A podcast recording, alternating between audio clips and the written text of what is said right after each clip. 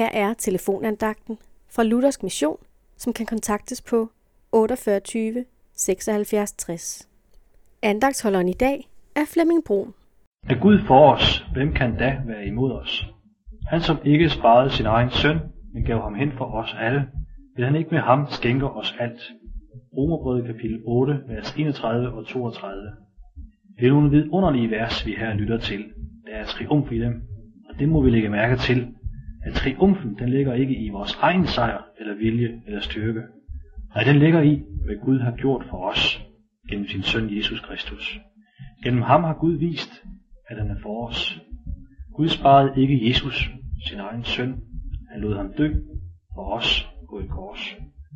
Det er kristendommens kerne i al sin enkelhed. Men Guds storhed stopper ikke der. Jesus stod op igen og blev sejrherre over dødens og dens kræfter.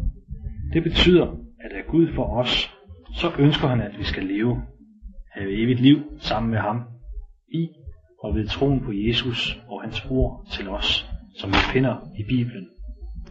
Ordet til dig i dag er, er Gud for dig, hvem kan da være imod dig? Gud er kongen over alle konger, og han viser sin kærlighed til dig og mig gennem sin søn, Jesus Kristus.